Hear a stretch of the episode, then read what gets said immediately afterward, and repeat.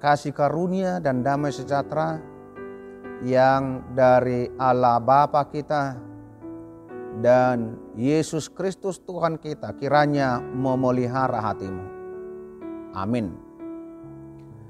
Sahabat rohani, saroha di dalam Yesus Kristus, Nats renungan kita hari ini tertulis dalam Ibrani pasal 6 ayat yang ke-19. Pengharapan itu adalah sauh yang kuat dan aman bagi jiwa kita yang telah dilabuhkan sampai ke belakang tabir. Pengharapan. Sahabat rohani, hidup banyak dianalogikan orang sebagai sebuah kapal.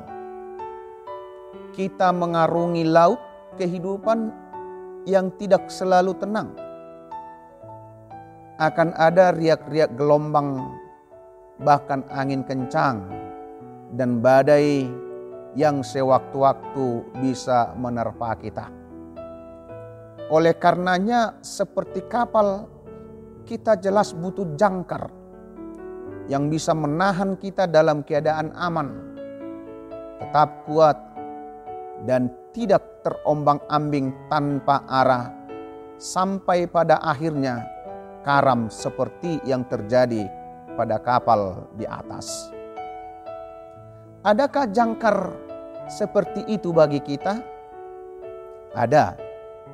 Alkitab bahkan mengatakan itu dengan jelas yang bisa kita baca dalam Ibrani pasal 6 ayat yang ke-19 yang bunyinya pengharapan itu adalah sau yang kuat dan aman bagi jiwa kita yang telah dilabuhkan sampai ke belakang tabir di mana Yesus telah masuk sebagai perintis bagi kita.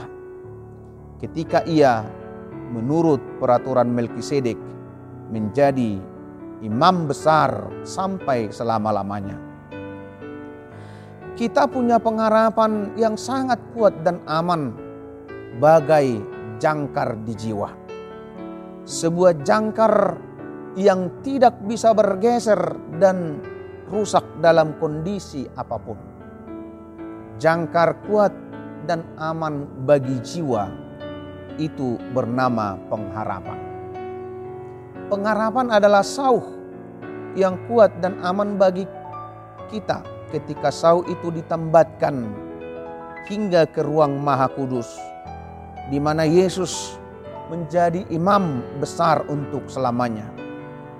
Yesuslah batu yang kokoh, yang bisa menjadi tambatan kuat dan aman bagi sauh-sauh untuk berpegang, sehingga kapal kehidupan kita akan tetap kuat dan terjaga aman.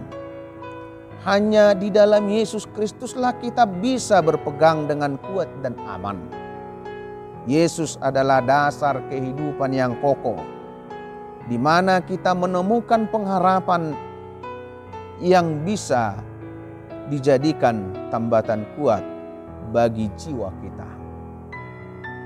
Amin. Tuhan Yesus memberkati.